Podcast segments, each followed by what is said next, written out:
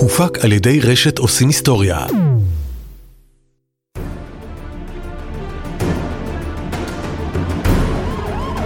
משטרת ישראל מציגה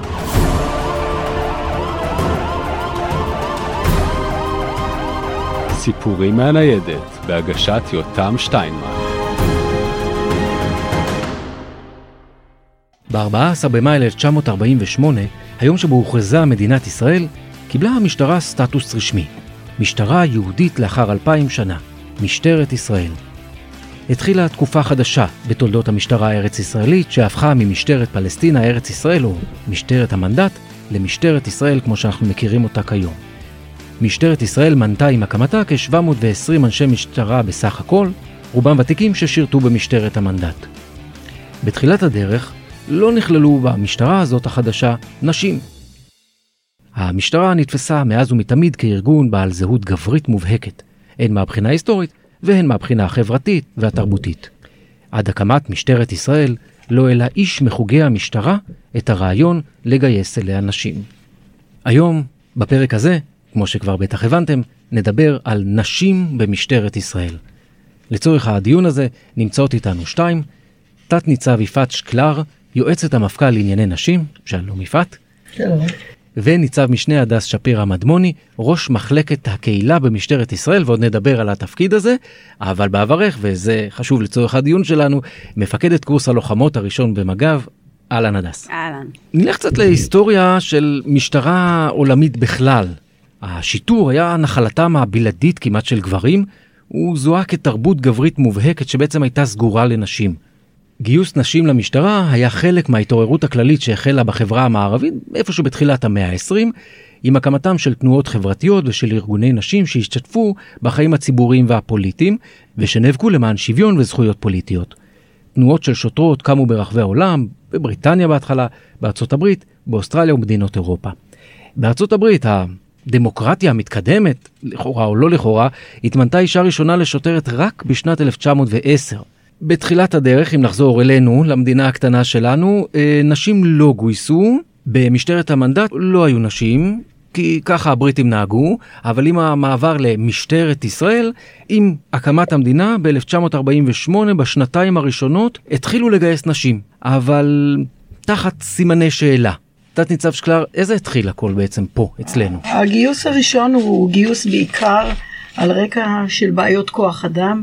וניסיון לייצר יותר כוח אדם שיכול לפתור אה, בעיות. אין פה איזה אג'נדה אה, פמיניסטית רחבה. פשוט לא היו שוטרים, את אומרת. פשוט חסרים שוטרים, איפה שאפשר לקחת אה, נשים אה, שיסייעו, לוקחים אותם.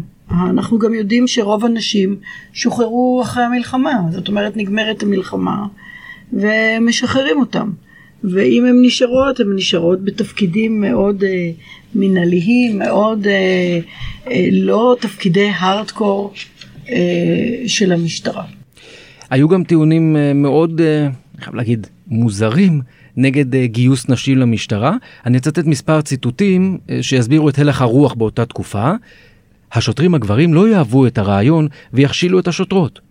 ניצב אהרון סלע, לימים המפכ"ל הרביעי, הסביר את עמדת המשטרה בעניין אי התאמתן של נשים לעבודה במשטרה במילים הללו, שוטרות ממהרות להתחתן, ואם נגייס למשטרה בחורות יפות, יתאהבו בהן גם העבריינים, ועוד נחיש את קצב פרישתן מן המשטרה. או אמירות כאלה, הציבור לא יקבל מרות של שוטרת, הציבור לא ישמע לעולם לאישה שוטרת. בקושי הציבור שלנו מוכן להישמע לגברים שוטרים, לגברים. אז לנשים? מה פתאום? או המקצוע קשה מבחינה פיזית ונפשית גם למין החזק, הגבר. כיצד אפוא תעמוד בו אישה? דברים שנשמעים היום מוזרים קצת, לא? לגמרי, בהחלט, בטח בעידן שלנו, בדור שלנו, אני מניחה שגם הילדים שלנו, הבנות שלנו, אם ישמעו את המשפטים האלו, אני בטוחה שהם לא יאמינו. אבל אה, בוא נהיה הוגנים ונגיד שאומנם אתה מצטט מ-48, אולי מ-50, אבל אני בטוחה שהאמירות האלה היו גם אה, כמה שנים טובות אה, לאחר מכן, ואולי אפילו גם כמה עשורים אחר כך. ואולי לא רק במשטרה. מה שקורה בטוח. במשטרה הוא איזשהו שיקוף של מה שקורה בחברה כולה. גם במקומות אחרים או בסקטורים אחרים לא ראינו נשים פורצות דרך, בוא נגיד בתחום הרפואה, בוא נגיד בתחום האקדמיה.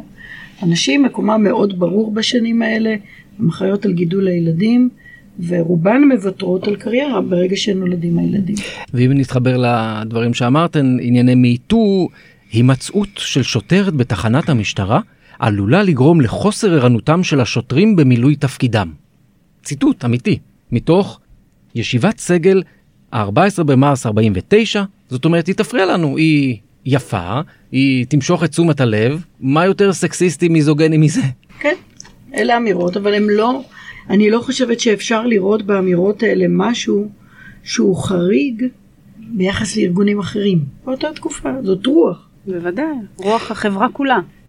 גם הגלובלית ובטח הלוקאלית. ובטח כשיש משטרה שהיא גוף שהוא טיפה יותר פיזי, יש לו מרכיבים יותר פיזיים. בהתחלה מגייסים אה, נשים למשטרת התנועה אה, מצורך, פשוט כדי לכוון את התנועה. וגם במחוז תל אביב, לא במקומות שאולי שם אוכלוסייה אחרת, מגוונת, אלא באמת אוכלוסייה ישראלית, קלאסית. זה מחוז תל אביב, שם אפשר לגייס נשים. תנאי הגיוס, אגב, אם עניין אתכם, אם רציתם להתגייס באותן שנים, נשים רווקות בגיל 22 עד 28 בגובה מטר 65 ומעלה, בעלות השכלה עממית לפחות, ידיעת השפה העברית הכרחית. בקורס השוטרים הזה הוחלט שהשוטרות תועסקנה בתפקידים הכרחיים בלבד, אשר אין למלא אותם על ידי גברים, למשל חיפוש על נשים, חקירת נשים על רקע מיני, ושמירת אסירות, ובהתחשב בצמצום כוח האדם של גברים, הם יעסקו גם, נתנו להם ככה, כן? באלחוט, משרדים ותנועה. אגב, ב-30 ספטמבר 1948 מינתה המשטרה את ציפורה פלשיק לקצינת המטה לשוטרות, וזה אולי הזמן אה, להתעכב על הדמות המעניינת הזאת, אחת משתי נשים שבעצם הביאו את השינוי הנשי למשטרה בתחילת הדרך. ציפורה פל שיק הייתה קצינת המטה, כמו שאנחנו מכירים את המושג קצינת חן בצה"ל.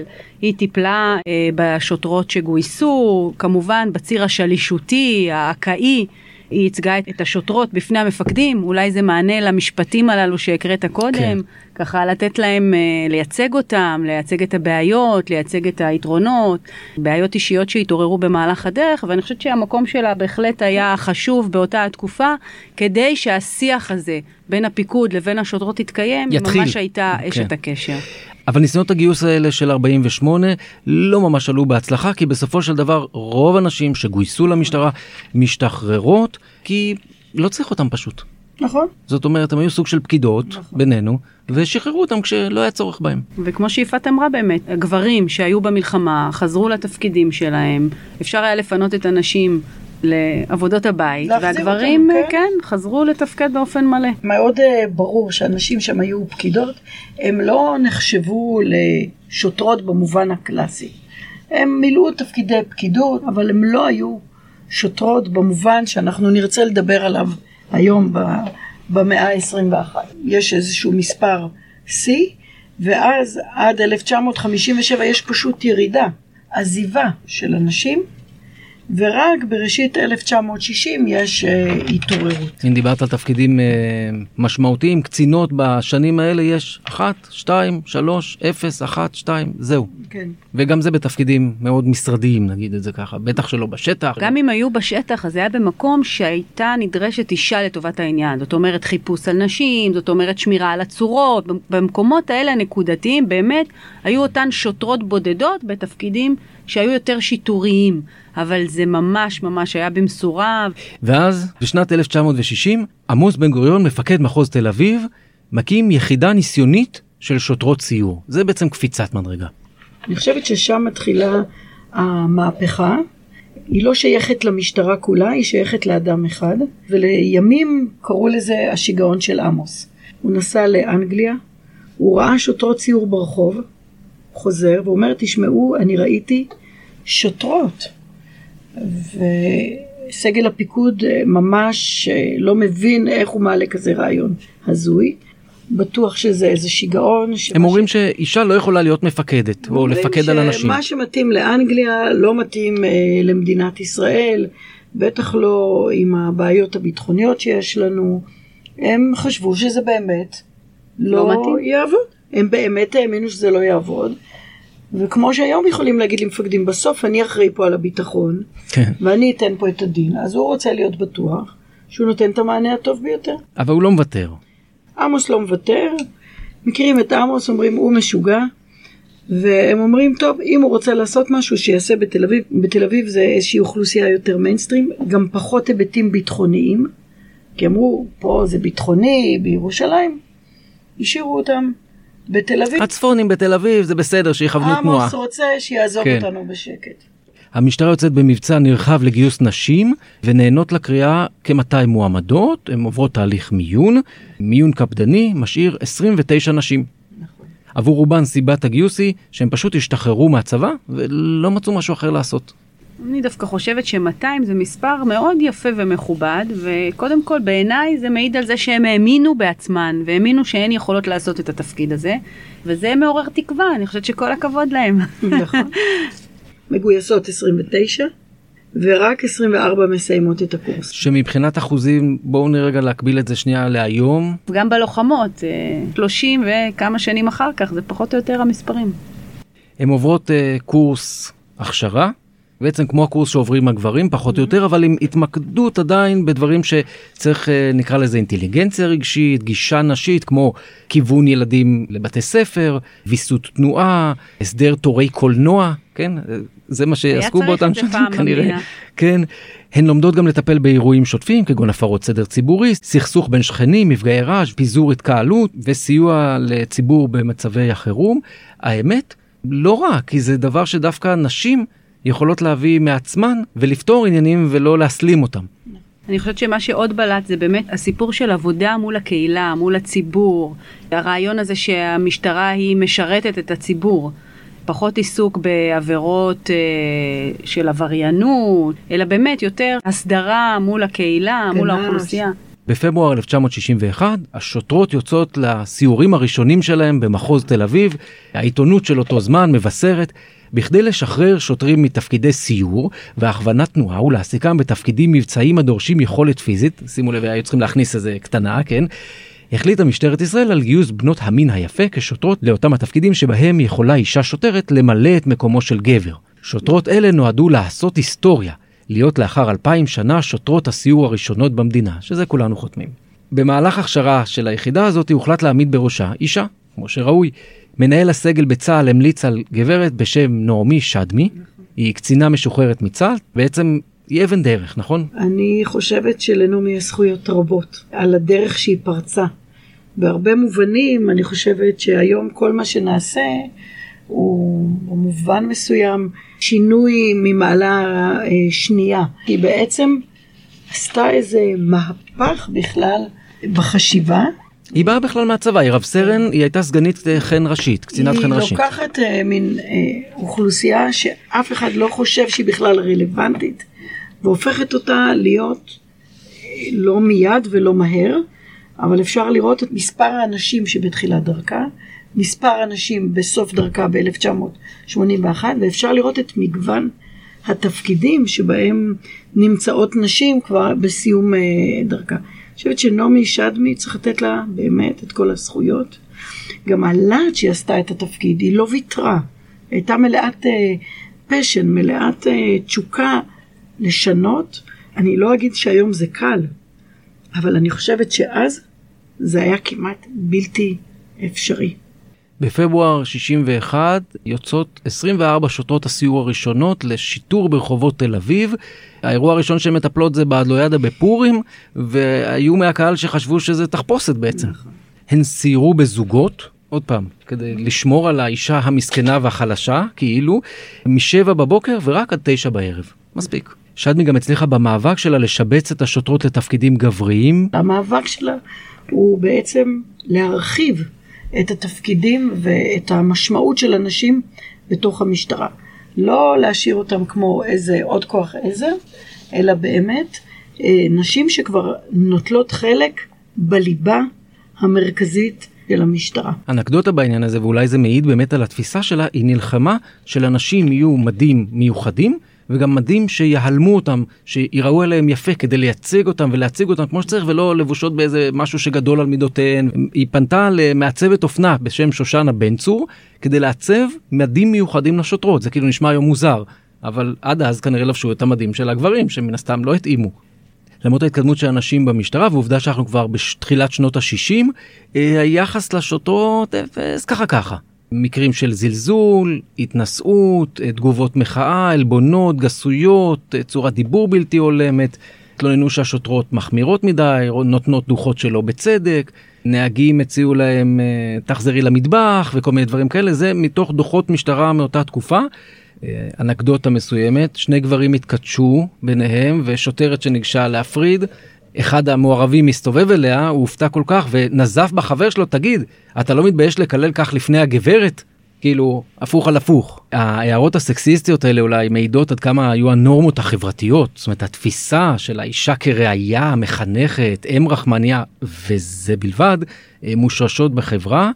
ואז אנחנו בעצם מגיעים לעוד איזשהו אירוע מכונן, אנחנו מדברים על uh, האירוע של uh, יונה קוממי ב-29 באוגוסט 65. היא נרצחה במילוי תפקידה, וזה בעצם השוטרת הראשונה העברית שנרצחת תוך כדי פעילות משטרתית. תוך כדי אירוע של סיור שגרתי, אה, יונה קוממי נמצאת יחד עם שוטרת נוספת בשם גליה אגסי במרכז רמת גן.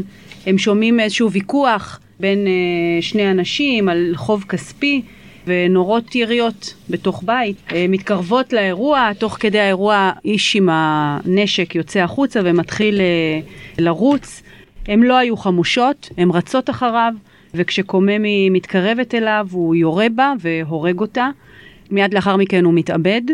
ובעצם זה המקרה הראשון שבו נהרגת שוטרת בעת בעולם, המקרה הראשון בעולם בעצם ששוטרת נהרגת במילוי תפקידה, היא מקבלת אחר כך גם את העיטור הגבוה ביותר שהמשטרה יכולה לתת על גילוי אומץ לב, עיטור הגבורה, זה עשה משהו לנשים באותה תקופה? בוודאי, זה אירוע שמשפיע על כל החברות שלה, על כל המעגל. אה, הקרוב, השוטרות שנמצאות ביחידה, ובעצם אה, שואלות את עצמם למה גם אנחנו לא נושאות נשק, אה, על מנת להגן על עצמנו, על מנת לטפל באירועים שהם הרבה יותר מורכבים, וגם החברה שואלת את אותן שאלות. בעיתונות אנחנו עדים לשאלות האלה שנשאלות, למה צריך לסכן את הנשים, ובאמת אחרי האירוע הזה, אחרי שדנים בעניין, הן מתחילות לשאת נשק בתפקידים הללו. בסופו של דבר טבילת האש הזאת של השנה הראשונה של נשים במשטרה בתפקידים משמעותיים אה, מוכתרת בהצלחה למרות כל הספקות ולמרות כל התגובה מהציבור מחליטים לתגבר את היחידה הזאת על ידי גיוס נוסף. ב-63 שדמי מסכמת את העניינים ואומרת עברנו את שלב הבראשית הסיכום שלנו הוא חיובי ביותר הוכחנו לעצמנו למשטרה ולציבור כי אנחנו ממלאות את התפקידים המוטלים עלינו באופן הטוב ביותר. אני רוצה רגע להגיד משהו על עמוס בן גוריון. אני חושבת שזה משהו שכשמסתכלים ככה על ההיסטוריה, אז uh, הוא לא מפתיע. בתפיסה שלו ובגישה שלו, שהיא יחסית uh, חדשנית ומודרנית, צריך לזכור שהוא בנו של uh, בן גוריון, ובן גוריון מהיום הראשון החליט שבצבא ההגנה לישראל ישרתו נשים וגברים. ולא הייתה דילמה בעניין הזה. זאת אומרת, גם הצבא, שהוא מאוד גברי והתפקידים שלו הם בלחימה מול אויב, היה ברור שהחוק לא שונה. ואנשים יתגייסו בדיוק כמו הגברים, וחוק שירות החובה יוטל גם עליהן. אני חושבת שעמוס בן גוריון שגדל בבית הזה, עם התפיסה הזה, הזו, לא מפתיע שדווקא הוא זה שהכניס את הנשים לשירות במשטרה. בסאבטקסט שלך את אומרת בעצם, הכל מתחיל בחינוך, הכל מתחיל בבית. בבית, כן. לגמרי. למרות זאת, היחידות האלה פועלות עד 65 רק בתל אביב ובחיפה. זה לא מתפתח, אבל ב-65 נפתח קורס שוטרות שכלל 21 טירוניות מבין 380 חניכים. בתחילת שנות ה-60 היה קשה אה, לשכנע את הנשים להתגייס למשטרה, אבל ב-65 זה כבר לא מקובל. זה לא הזוי. זה לא הזוי, שאפשר לעשות קריירה. אפשרות. אבל אה, שדמי פאץ' קלר לא עוצרת. היא לא ממשיכה במאבקים שלה כל הזמן. המאבק הבא שלה זה להכניס נשים לתפקידים עוד יותר משמעותיים. בילוש, נהגות, אה, מפלג נוער, מז"פ. נכון. רואה בעצם את כל התפקידים פתוחים בפני השוטרות, ומעבר לזה היא אומרת, זה לא רק מקום שבו יש לך פרנסה, זה מקום שבו את יכולה לתכנן קריירה שלמה. זאת אומרת, קריירה של אישה במשטרה הופכת למילה שהיא כבר לא גסה. היא עדיין גסה, אבל לפחות בתפיסתה, היא לא גייסה את הנשים בשביל שהם יפרנסו או יישאו בנטל רק, בטח שזה חשוב אבל זה לא רק, והיא חושבת שצריך לאפשר לנשים לפתח קריירה לצד אה, השתכרות אה, נאותה, שזה ברור שכשאת מתקדמת ההשתכרות היא גבוהה יותר. שנת 74 אנחנו ככה קופצים קדימה, קפיצת המדרגה הבאה. נכון. המפכ"ל רוזוליו מזמין אותה לישיבת סגל פיקוד. נעמי מגיעה לישיבה, היא בטוחה אה, שהיא בעצם הולכת אה, ככה לסכם את הדברים, והנה כולם אה, בעצם איתה, והדרך סלולה.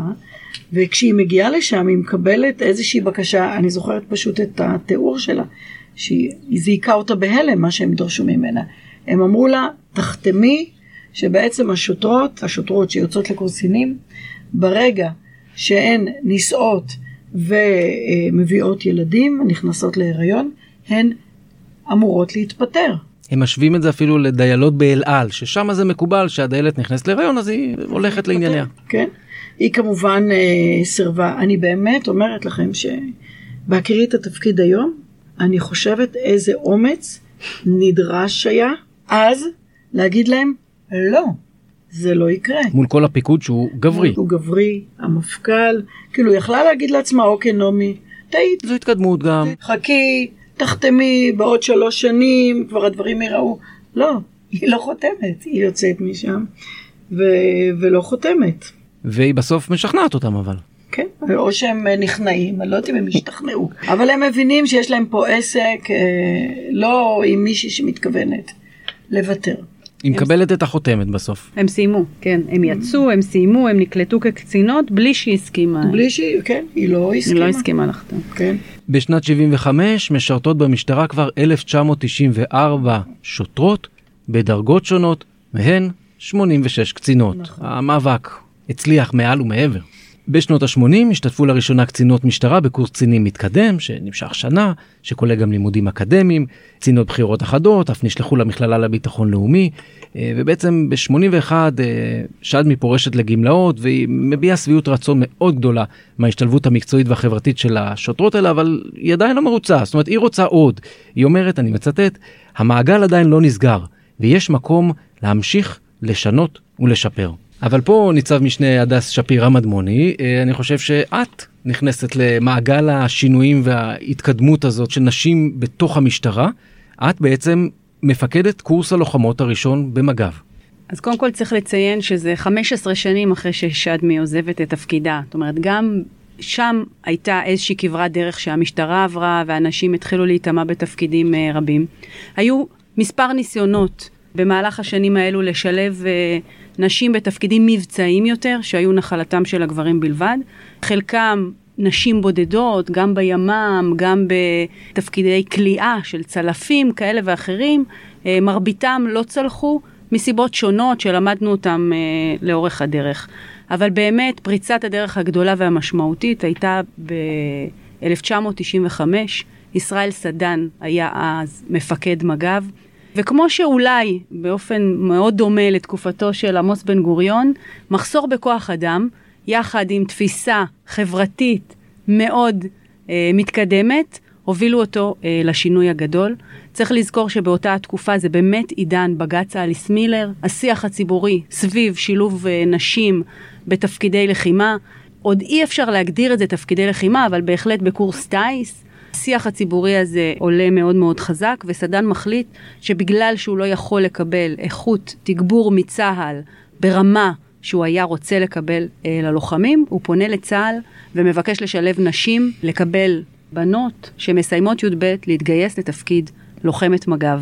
אני באותה התקופה שירתתי בצה"ל, הייתי אה, אה, מ"פית אה, של קורס מ"כיות בנים, הייתי מ"כית בנים בתפקיד הצה"לי שלי, אה, ובאמת אה, פנו לצבא, כיוון שמג"ב היה חיל גברי, לא שירתו בו כמעט נשים בכלל, אלא בתפקידים פקידותיים, בתפקידים מקצועיים כמו חובשת, כמו מדריכת כושר קרבי, אבל אה, לא כלוחמת. לא היו נשים כאלה. סדן פונה לצבא, אה, ליוהל"ן של הצבא, ומבקש אה, לבחון אה, מספר נשים לתפקיד. בסופו של התהליך הוא בוחר בי, ובאמת, בסוף 95 אנחנו מתחילים בבניית קורס הלוחמות הראשון. הקורס הראשון נפתח בינואר 96. כשהמטרה היא להכשיר בנות לתפקיד לוחם מג"ב, אני אומרת בכוונה לוחם מג"ב ולא לוחמת מג"ב, כי צמד המילים הזה קשה היה לבטא אותו יחד. רובעי 05, מה שבצבא לא קיים אה, לנשים. נשים, התפקידים הקרביים ביותר שהם עשו זה מדריכות חי"ר, שהיה בין רובעי 02 לרובעי 03, תפקידים מסוימים הסמיכו קצת יותר. מאיפה אה, את אוספת את אותן בנות? קציני מיון בצבא. אנחנו הולכים אליהם, מסבירים להם פחות או יותר מה התפקיד, הם מכירים את התפקיד הגברי. בשעתו בנות היו עוברות טירונות כלל צה"לית, לא היו כמעט אה, שיבוצים קדם צבאיים. ופשוט מאוד, קציני המיון היו מגיעים לטירונות, מציעים לבנות את התפקיד, רעל וירי ולרוץ בג'בלאות, ובאמת אה, הבנות היותר אה, לוחמות. כמה אה, מגיעות לך? ככה כמה עשרות, אי אפשר לומר שהיו מאות. עשינו את זה בשלושת בסיסי הטירונות שהיו אז בזמנו לנשים. בפברואר 1996 אנחנו פותחים את הקורס הראשון בבסיס האימונים של מג"ב עם 29 בנות, אחרי מיונים אה, קפדניים, ובאמת אה, רעל בעיניים קראנו לזה. אה, חשוב לי מאוד לציין שמג"ב היה החיל שפרץ את הדרך. זאת אומרת, מג"ב כחיל במשטרה עושה פה צעד דרמטי. המדריכים בקורס? בנים כולם, למעט מדריכה אחת שהייתה מ"כית בנים בצבא, שהגיעה מהצבא. זה לא היה פשוט, כי הבנים אה, לא מכירים את המנטליות הזו, אם אפשר לקרוא לזה כך, ובאמת, אני חושבת שחלק מהתהליכי השתלבות היה גם להסביר, אולי אפילו, זה נשמע קצת יומרני, אבל לחנך את הבנים אה, ללמוד את הפיקוד על נשים. והיו הרבה מאוד מקרים שהיינו צריכים ככה לשבת בערב ולעשות הפקת לקחים ולעשות אפילו סימולציות. זה מצחיק לומר, אה, בנות שהבינו שאנשים, שהגברים לא כל כך מבינים ולא יודעת, קמה בבוקר פחות טוב. הייתה אומרת בערך פעם בשבועיים למפקד שלה, היום יש לי מחזור, כואבת לי הבטן, אני לא יכולה. באיזשהו שלב מצאתי את עצמי אומרת לבנים, חברים יקרים, תסמנו במחברת שהיא אמרה לכם ככה וככה, ופעם הבאה תסתכלו, אבל באמת באמת, צריך לזכור שנשים הרבה יותר רגישות, הדמעות זולגות מאוד מאוד מהר, והרבה פעמים הגברים חסרי אונים למול הדבר הזה. אז אה, אני זוכרת מקרה אחד שהמ"כים שהורידו את הבנות ואמרו להם יש לכם עכשיו בר אור והבנות עשו להם חצי מרד. אה, ואמרו מה פתאום? אנחנו עייפות אנחנו לא יכולות. אני לא זוכרת איך את כל הסיטואציה אבל במקרה הגעתי למקום והבנתי שהבנות לא יכולות לעשות אה, בר אור. שלושה משפטים מאוד מאוד אסרטיביים ונחושים הם רצו ועשו את הציון הכי טוב שהיה אי פעם כי הם הבינו ש... לא מתעסקים. תגידי, אני חייב לשאול, היית בחורה צעירה, אז בלי להגיד מספרים, אה, הבנת שאת עושה משהו שהוא היסטורי? האמת היא שלא, זה היה במעלה הדרך, זה נראה לי מעניין, מאתגר. אני חושבת שהסביבה ניסתה לשדר את זה, אנחנו, מבחינתי הרגשתי שאנחנו אה, יורים תוך כדי ריצה. לא עוצרים, לא מכוונים כוונות. אולי זה היה טוב, אגב, לאותה התקופה, כי זה מה שאפשר את הדרך ואת הרצון להצליח ואת הרצון לפגוע במטרה, ובאמת עשינו הכל. עשינו אה, תרגילי רימון ונשק וירינו במאג, הייתה לנו מגיסטית והיה לנו הכל, כולל פיתה סורית ולישון בשטח, מבחינתי זה היה הכרחי. אהבנו את זה, נהנינו, היינו באיזושהי תחושה ענקית של סיפוק, של גאווה. לצד זה שלא היה פשוט, וגם את זה צריך לזכור, מפקדים במג"ב לא אהבו את זה. לשמחתנו הייתה לנו תמיכה אדירה של מפקד מג"ב, ושוב נציין את ישראל צדן שראה את זה כחלום, הוא האמין ביכולת הזו של נשים להשתלב בתפקידים הללו. הפרויקט הזה אני חושבת שאיפה שהוא היה לזכר אשתו, שגם היא הייתה מאוד מאוד פמיניסטית, ובאמת למג"ב לא היה פשוט לעכל את זה. זה היה חיל מאוד גברי. אה, אני זוכרת שהיינו נוסעות אה, במחסומים והגברים ממש היו או שורקים או צועקים. המ"פית הדס היו צועקים לי בכל מחסום שאני עוברת. עכשיו לא מתוך איזה הערצה גדולה, נהפוך הוא, כן? זה היה לגמרי אה, מתוך, בבדיחות הדעת. היו הרבה מאוד קשיים. סרגל המאמץ לא נבנה מתאים לנשים. הרבה מאוד מהבנות היו להם שברי מאמץ. התזונה לא הייתה מותאמת, נדרש הרבה יותר אה, סידן ועוד כל מיני מרכיבים. לאט לאט אה, למדנו להתמודד, שוב, תוך כדי ריצה, למדנו להתמודד גם עם הדברים האלו. הלכנו לצה"ל לנסות ללמוד, לא היו לנו מענה, נהפוך הוא. לאחר מכן הם אלו שבאו ולמדו ממג"ב איך משלבים נשים בתפקידי לחימה, איך בונים את סרגל המאמצים. הבאנו לבנות קצת יותר uh, מוצרים עם סידן וחלב. קנינו להם נעליים מיוחדות. כי הנעליים המשטרתיות של הלוחמים, הצבאיות, לא התאימו לבנות, קנינו להם נעליים מיוחדות שישמרו להם אה, על הרגליים שהיו אורתופדיות יותר. גם כאן זה יצר איזה חוסר שוויון בין הגברים לנשים. תשומת הלב הזו שהיינו ככה עטופות, לא עשה את החיים קלים יותר. אחרי כל הקשיים האלה וכל ההתאמות האלה, בסוף אבל את מקבלת מבחינה מקצועית יחידה ברמה גבוהה באותן שנים? חד משמעית כן.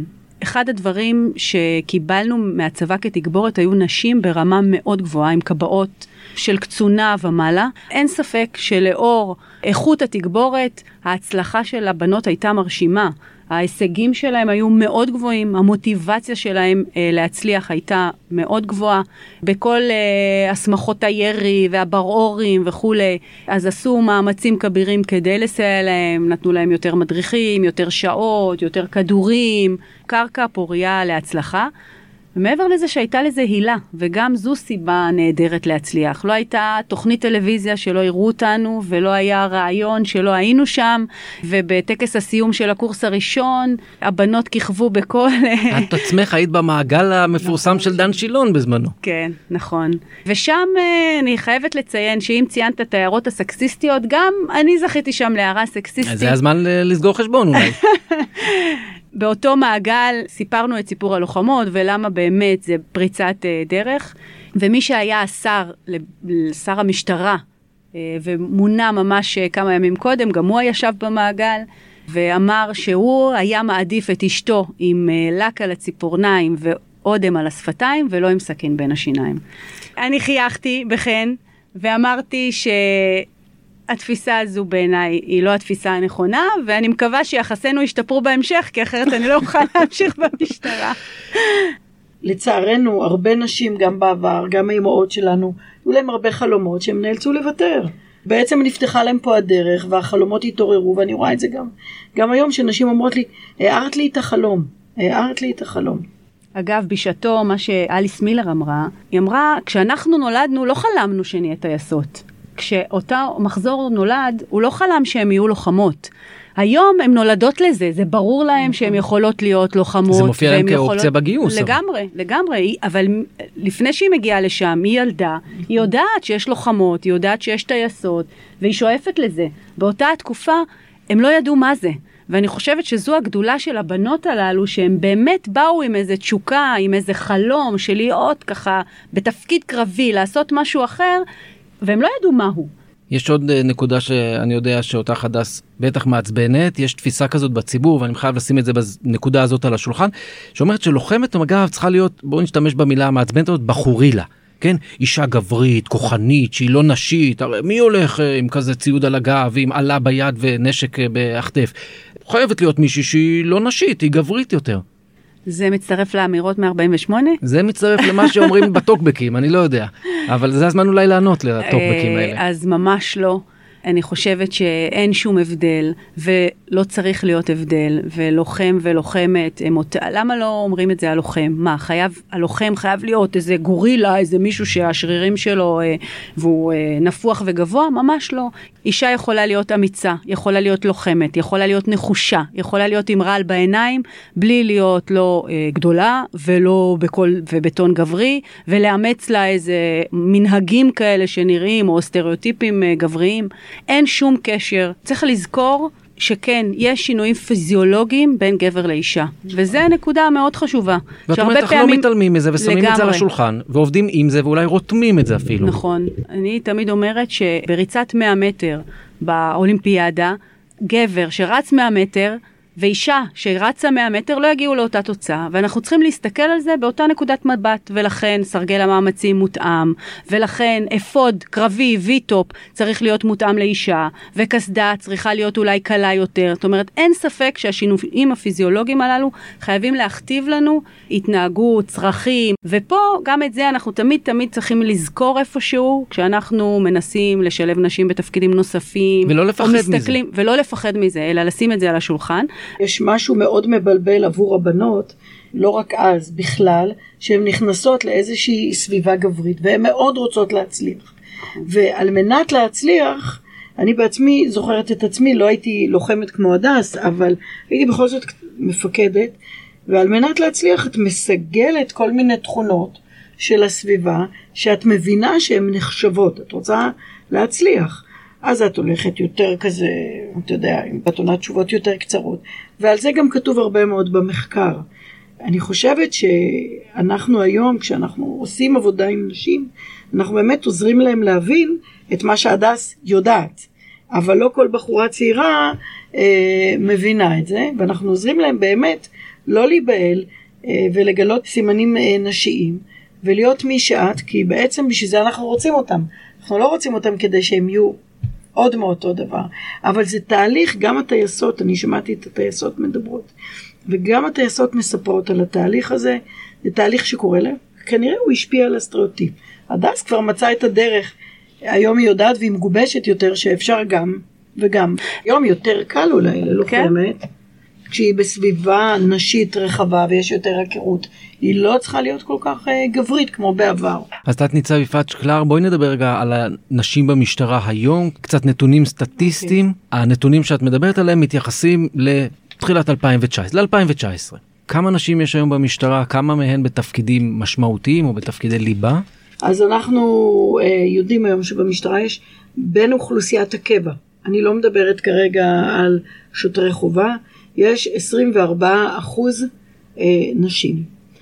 אנחנו יודעים שבמגזר היהודי, שזה המגזר אה, שבו אה, נאמר כך, לא תפקידי המנהלה, לא תפקידי כוח אדם, לא תפקידי ייעוץ משפטי, אלא תפקידים ממש במפגש אזרח שוטר. הארדקור משטרה. הארדקור משטרה, שם אנחנו מוצאים כבר אחוז נמוך יותר של נשים 18 אחוז. הנשים הן מהוות 29 אחוז מכלל הקצינים במשטרה, אבל במגזר היהודי נשים מהוות רק 15 אחוז. Mm. ואם אה, נלך רגע לתפקידים הבכירים יותר, אז נגלה שמצד אחד יש עלייה משמעותית מאוד במספר הנשים שמקודמות בתפקידי קצונה בכירים, אנחנו מדברים על עלייה של אה, קרוב ל-30 אחוז בשנים האחרונות, אבל מצד שני, אנחנו יודעים שהן פחות נמצאות בתפקידי שטח. אתה לא מוצא היום אה, הרבה מאוד נשים שהן מפקדות תחנה, אם כי צריך להגיד. שיש, יש לא, לא מעט. שיש, ואלה פריצות דרך שנעשו בשנים האחרונות. אני חושבת שצריך להסתכל על הפריצות דרך האלה. כשיש היום, מונו ארבע, יש כרגע שלוש, אבל זה מסיבות אה, אישיות נאמר כך. יש כבר למטה שוטרות שמסתכלות ומסמנות כיוון. דיברנו קודם על החלום, אז זה החלום שאנחנו לא מאפשרים לו להירדם, והיא מסתכלת והיא אומרת, אני אהיה שם. והמפקדים מסתכלים ואומרים, אתה יודע מה? זה לא כל כך הזוי, זה כמו ההבדלים שהיו בין 60 ל-1965. זה כבר מתחיל להיות משהו אפשרי. צריך לזכור שהמשטרה עשתה פריצות דרך מאוד גדולות בשנים האחרונות. עלייה גדולה מאוד בשיעורי הגיוס. אנחנו גייסנו ב-2016 30% נשים מכלל הגיוסים, ב-2018 41% מכלל הגיוסים. יש עלייה בתפקידי קצונה בכירים, יש עלייה של קרוב ל-30% בתפקידי קצונה בכירים, סגן ניצב, ניצב משנה, תת ניצב, והיום כבר צריך להגיד שבקדנציה האחרונה של המפכ"ל הנוכחי מונו שתי ניצבות. עד היום הייתה אחת, והיום יש כבר שתיים. מצטרף לשבע ניצבות שיש בשנים האחרונות. אני אומרת בכנות, המשטרה פרצה את תקרת הזכוכית בעיקר באזורים המנהליים, שם אנחנו גם די מאוזנים, אנחנו נמצאים אפילו ביתרון קל על פני גברים. אבל הכיוון שאני מובילה אליו הוא להסתכל רגע על המגזר היהודי ולהבטיח שיהיו יותר נשים אה, מקבלות החלטות, לא רק מתגייסות, אלא יושבות סביב שולחן הדיונים ואומרות בהפגנת הנכים הבאה אנחנו נפזר כך ולא אחרת. אה, הן יהיו שותפות בתהליך קבלת ההחלטות. וזה המקום שאליו אני חותרת, וכמובן גם אה, יותר נשים סביב שולחן הספק, אה, גם בתפקידים ניהוליים וגם בתפקידים יהודיים. לאן אנחנו שואפים מכאן? זאת אומרת, מפקדות תחנה נשיות יש, מה השלב הבא? יש לנו עוד כמה שלבים בדרך. הייתה לנו אישה שהייתה מפקדת מרחב, שהיום היא קודמה בדרגה אבל היא קודמה בדרגה, אומנם באגף השיטור שהוא אגף מבצעי, אבל לא כמפקדת מרחב ומחוז. יש לנו היום אה, שתי סגניות מפקדות מרחבים, אז השאיפה שכמובן היא צריכה להיות עכשיו, להמשיך ולהתקדם בתפקידים היהודים האלה, כי הנוכחות בתפקידים האלה תבטיח מפכ"לית אה, בשנים הקרובות. יש הרבה משטרות בעולם שמינו מפכ"ליות. זה ריאלי? זה באמת דבר לגמרי. שיכול להיות בקרוב? לגמרי. אה, זה עניין של, אה, אתה יודע, יש פוטנציאל, זה עניין של איך ינהלו את הפוטנציאל הזה. זאת אומרת, היום צריך להיות ניהול מאוד ככה מוכוון, באופן כזה, לא לפספס אותן בדרך, לשמור אותן באופן כזה שהם ירצו להישאר במגזרים האלה, כי הקשיים הם מכל הכיוונים. אני בהחלט רואה איכות גבוהה של נשים שיכולה בעתיד לעמוד אה, בראש ארגון כמו משטרה. כמובן שמי שעוברת במסלול המבצעי זה יותר ריאלי. אה, אגב, בגרמניה יש מפכ"לית שלא באה מהמקום המבצעי, אז אולי גם זאת עוד אפשרות. הדס מדמוני שפירא כמפקדת קורס הלוחמות הראשון במג"ב, מתי תהיה מפקדת מג"ב? הלוואי ותהיה, אני חושבת שבהחלט יכולה להיות, ללא ספק. אה, מישהי שצמחה במסלול שדיברה עליו יפעת, בין אם זה במשטרה הכחולה ובין אם זה אה, מג"ב, לא ירחק היום, אבל זה בהחלט אה, יגיע ואני מקווה לכך מאוד. בשביל שהדברים האלה יקרו, צריכים לקרות מספר תהליכים ביחד. קודם כל, תפיסות זה אחד הדברים המרכזיים, ואנחנו רואים שיש איזושהי הגמשה בתפיסות. אבל יחד עם התפיסות, ארגונים אה, יצרו לאורך השנים פרקטיקות אה, מדירות. אה, לא באופן מכוון, לא המשטרה דווקא, אלא העולם כולו מדיר נשים. האופן שבו ממיינים, התרגילים שאותם צריך לבצע במיון. זה לא משהו שמישהו ישב וחשב איך לא יהיו נשים. אבל בפועל, לנשים יותר קשה להשתלב במקומות כאלה, יותר קשה להם לבלוט. לכן, האתגר הגדול של ארגונים בכלל, הוא לקחת פרקטיקות שהן מדירות, ואיך אנחנו יודעים אם פרקטיקה היא מדירה? כי אנחנו רואים את מבחן התוצאה. כן. בסוף היום יש יותר גברים מפקדים. זאת אומרת, זה לא טוב או רע יותר, זה פשוט אחר, זה פשוט וצריך אחר. ליהנות מהיתרונות ו- תוך ו- הצנעת החסרונות. לייצר, צריך לייצר פרקטיקות כאלה שמאפשרות הכללה של כולם, שמאפשרות לכולם סיכויים שווים. אני רוצה לרגע בנימה אופטימית להסתכל קדימה. אני מסתכלת על הבת שלי, על הבנות שלי, ואני מסתכלת על התקופה שהן יגיעו. צבא, למשטרה אולי, למג"ב או לתפקיד, אולי. למג"ב, חד משמעית, או לתפקידים uh, במגזר הציבורי שזה היינו הך. אני חושבת שהחברה שלנו היום מסתכלת על הדברים אחרת. כשהילדים שלי בבית רואים את הנטל שהוא שוויוני מאוד בין בעלי לביני, ורואים שהוא גם מוציא את הילדים ולוקח אותם יותר ממני אפילו ועושה את כל הפעילות ההורית הזו שפעם באמת הייתה נחלתן בעיקר בעיקר של אנשים הסביבה הזו שיפעת דיברה עליה תיראה אחרת לגמרי מבחינת אני מקווה שהבן שלי יישב במקומות הללו, או שהבת שלי תשב במקומות הללו, מבחינתו זה יהיה מאוד טבעי ומאוד מאוד נורמלי. התחלת בשוטרת הראשונה שגויסה ב-1910, עברנו 100 שנה, קצת יותר מאז. אין לי ספק שבעוד 20-30 שנה השינויים ממעלה שנייה יתקיימו בהכרח, והבנות יהיו גם בתפקידים הפיקודיים הבולטים ביותר, ושאלה כזו שהאם תהיה ממ"זית, האם תהיה מפכ"לית, כבר תהיה שאלה שהיא לא רלוונטית, כי זה ברור שזה... השאלה תהיה מי, אם היא מוכשרת מספיק, אם היא טובה בדיוק, מספיק. חד משמעית. זו גם שאלה, אין ספק. אחד הדברים שככה נחשפתי אליהם, שנכנסתי לתפקיד, ככה אולי הכרתי, אבל לא הבנתי שנשים עד לפני מאה שנה לא, לא. קיבלו את זכות, ההצבעה. עכשיו אני שואלת את עצמי היום, איך יכול להיות? ב-1970 בשוויץ לנשים עוד לא הייתה זכות הצבעה. יש פה דברים שהיום ש- נראים לנו הזויים, נכון. ו- ושוב, אני חושבת ששאלה כזו, גם היא בעוד אולי כמה עשורים, תהיה שאלה שנשמעת מוזר. תת ניצב יפעת שקלר, יועצת המפכ"ל לענייני נשים, ניצב משנה הדס שפירא מדמוני, ראש מחלקת קהילה במשטרת ישראל. תודה רבה לשתיכן, וכולי תקווה שאולי כמו שאימא שלי פעם אמרה, תנו לנו לנהל פעם אחת, לניסיון, בואו נראה מה יקרה, בסדר? לי אין ספק. תודה רבה לשתיכן. תודה. אם אתם רוצים לדעת עוד על משטרת ישראל והתפקידים שמילאה בתולדות המדינה, אתם מוזמנים ומוזמנות לבקר בבית מורשת משטרת ישראל ולפגוש מקרוב את ההיסטוריה שלא הכרתם. פרטים באתר policemuseum.org.il